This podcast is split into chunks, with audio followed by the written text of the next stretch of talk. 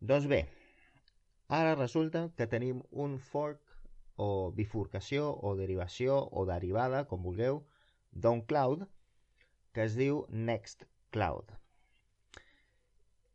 Bon dia a tots, sóc l'Eugenio i això és Cròniques de Software Lliure i realment estic una mica preocupat.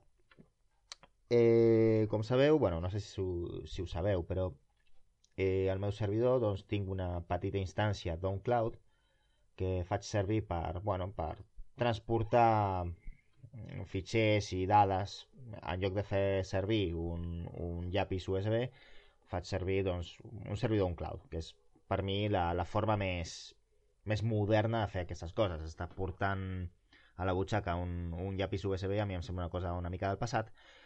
I bé, com que no em refio gens de Google Drive, ni de Dropbox, ni de res d'això, doncs prefereixo doncs, tenir la meva bueno, el meu control total sobre les meves dades i eh, fer servir un servidor que està al, al meu VPS, no? Eh, la cosa és, bueno, eh, últimament OnCloud no ha estat fent les coses mm, gens bé, no, no, no, no, no ho ha estat fent bé. Eh, han tingut una sèrie de problemes amb, bueno, amb l'última actualització, han tingut una sèrie de problemes també de, de personal i de fet una de les persones que era, bueno, era fins i tot el líder del projecte OnCloud se'n va anar i i amb ell doncs, se'n va anar també Josh Portblit, que era home, el, relacions públiques del projecte. Aquestes dues persones eh, han fet aquesta bifurcació que, que es diu Nextcloud i que ha emocionat a molta gent, no sé ben bé per què. Eh, tant és així que, que, bueno, que Brian Dunduk eh, es va fer una entrevista divendres, no, perdó, eh, dijous, dijous mateix, sí, eh, per, per matí, i bé, jo dic, bueno, està molt bé que la gent faci bueno, eh, projectes derivats, això no, no, no es pot qüestionar, però que sí és una mica preocupant és en quina situació quedem les persones que fem servir OnCloud. Eh, OnCloud és un projecte que eh, en paper és un projecte que no podria sortir malament. Eh, és un, una molt bona alternativa a, a fer servir coses com Google Apps, especialment per a empreses i coses d'aquest tipus, no?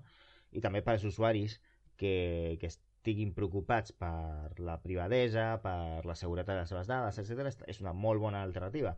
És molt fàcil d'instal·lar, no és gens difícil d'administrar i bé, home, excepte per l'última qüestió que hem tingut amb les actualitzacions, però normalment és molt fàcil d'administrar i, bueno, eh, és un gran projecte, a mi em sembla un gran projecte.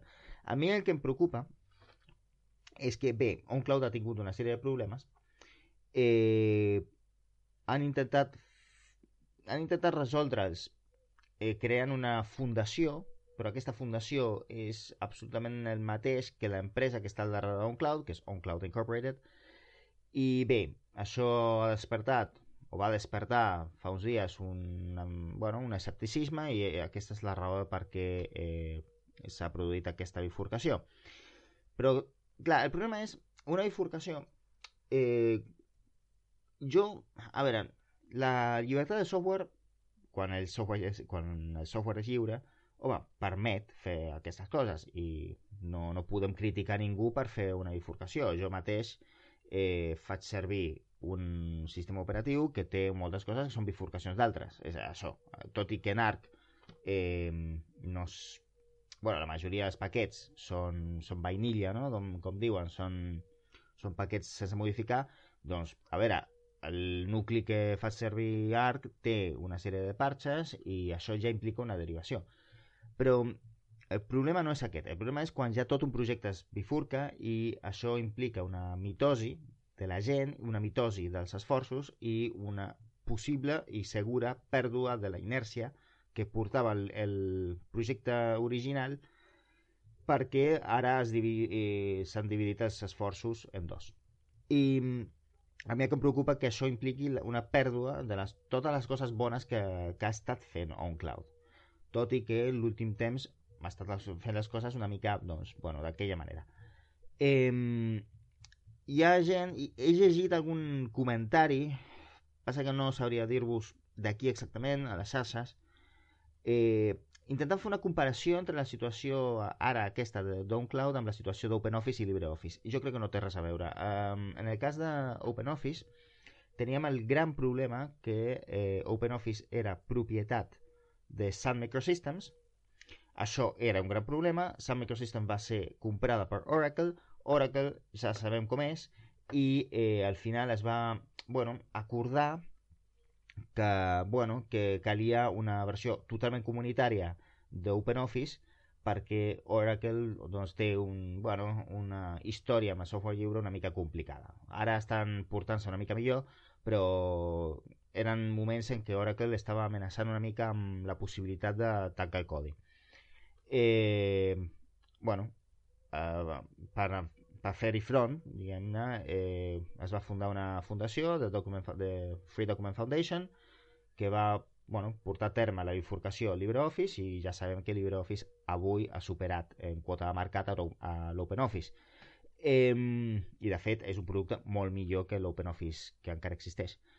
Eh, bueno, després va passar que va passar, que OpenOffice eh, va ser agafat pel projecte Apache, però ja era massa tard perquè LibreOffice li, li va agafar la, la davantera, no?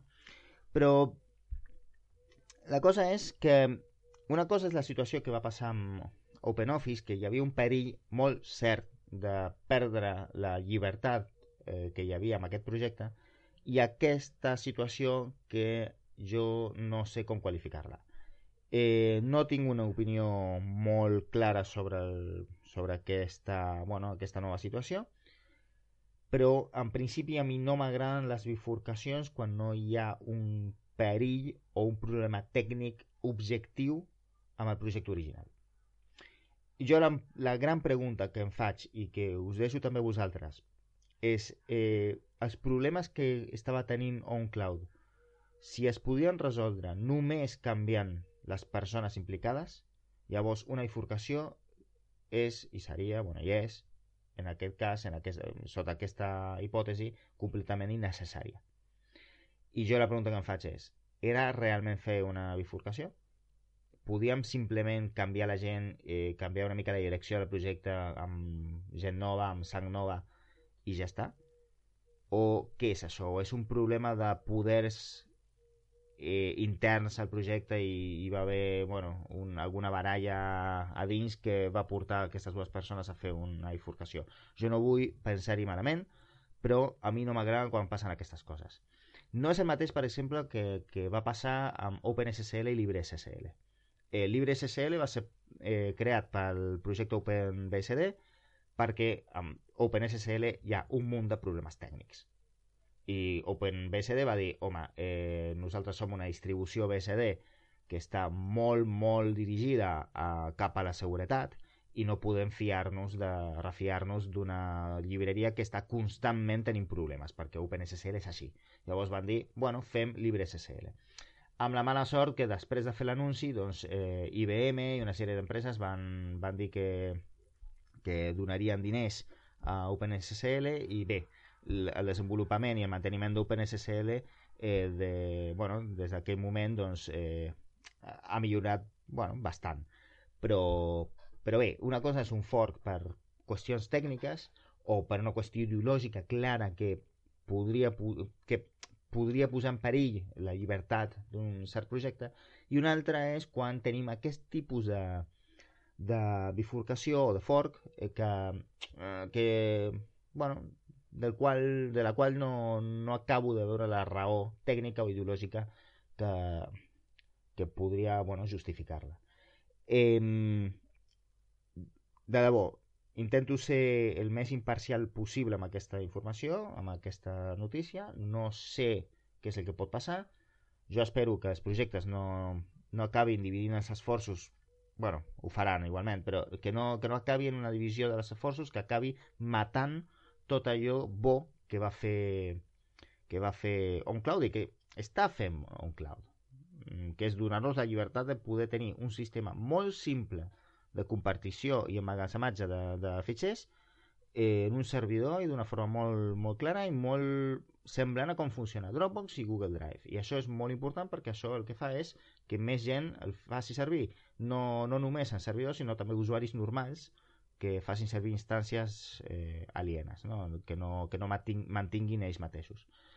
Eh, estarem al corrent de la, de la notícia i bé, esperem que, que això sigui per millorar, però jo he de reconèixer que, so, que sóc una mica escèptic.